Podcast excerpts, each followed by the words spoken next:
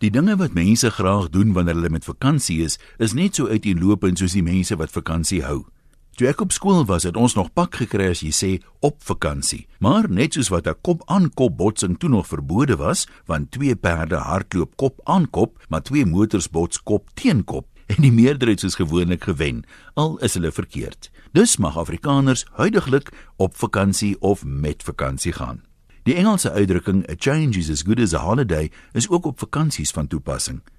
Ek dink sonder dat ons dit besef, streef ons almal na balans in ons lewens. En vakansies is 'n ideale geleentheid om daai ewewig te herstel.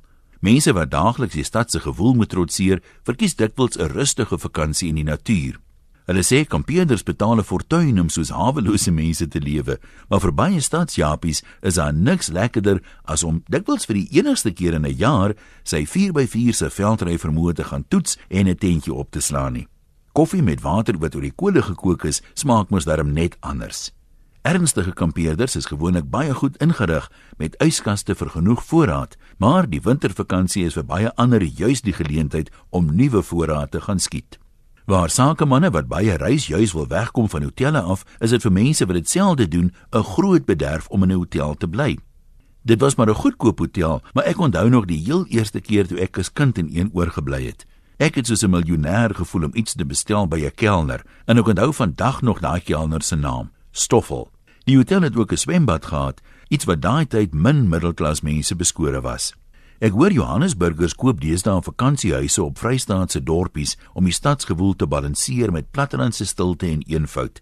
As die plek 'n kuier kombuis met 'n koolstoof het, is die opwinding groot om vir 'n naweek weg te breek. Die kinders is gewoonlik verstom om te sien hoeveel meer sterre daar by platteland is. Dis nou die kinders wat nie om die kampvuur sit met hulle selfone nie. Vir my is die lekkerste vakansie enige plek waar my selfoon nie by is nie. Uit elke 100 keer wat die ding lui, is ek seker net 2 keer bly en lus om met die persoon te praat.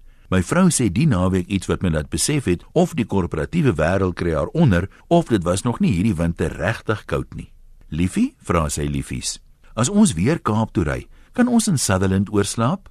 Lyk my 'n change is regtig as good as a holiday. Hoekom sien ek dan nou meer uit na Sutherland as om by die see te gaan vakansie hou? Seker omdat ek al baie by die see was, maar nog nooit op Sutherland nie. Geniet jou volgende vakansie en groete van dorp tot dorp. Antoniem